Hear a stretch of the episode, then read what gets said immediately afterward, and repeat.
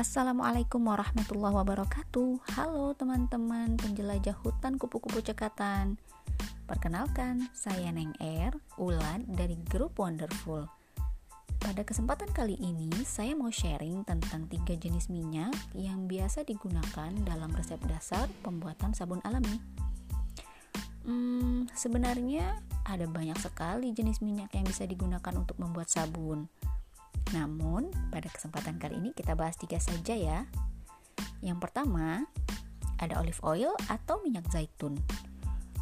Olive oil ini merupakan minyak tertua yang digunakan dalam pembuatan sabun.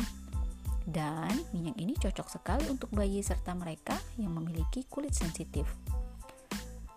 Sudah pada tahu juga kan kalau minyak zaitun memiliki banyak sekali manfaat untuk kesehatan dan kecantikan kulit.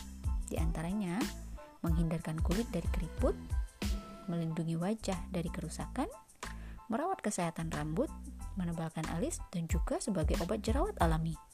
Wow, banyak ya. Lalu yang kedua, ada palm oil atau minyak kelapa sawit.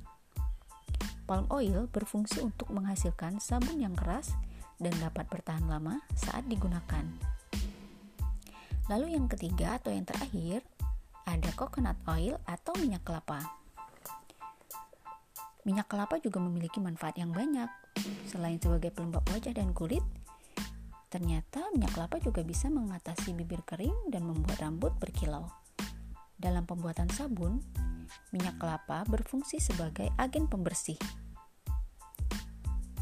Sekian sharing kita hari ini. Sampai jumpa di podcast selanjutnya. Semoga bermanfaat. Wassalamualaikum warahmatullahi wabarakatuh.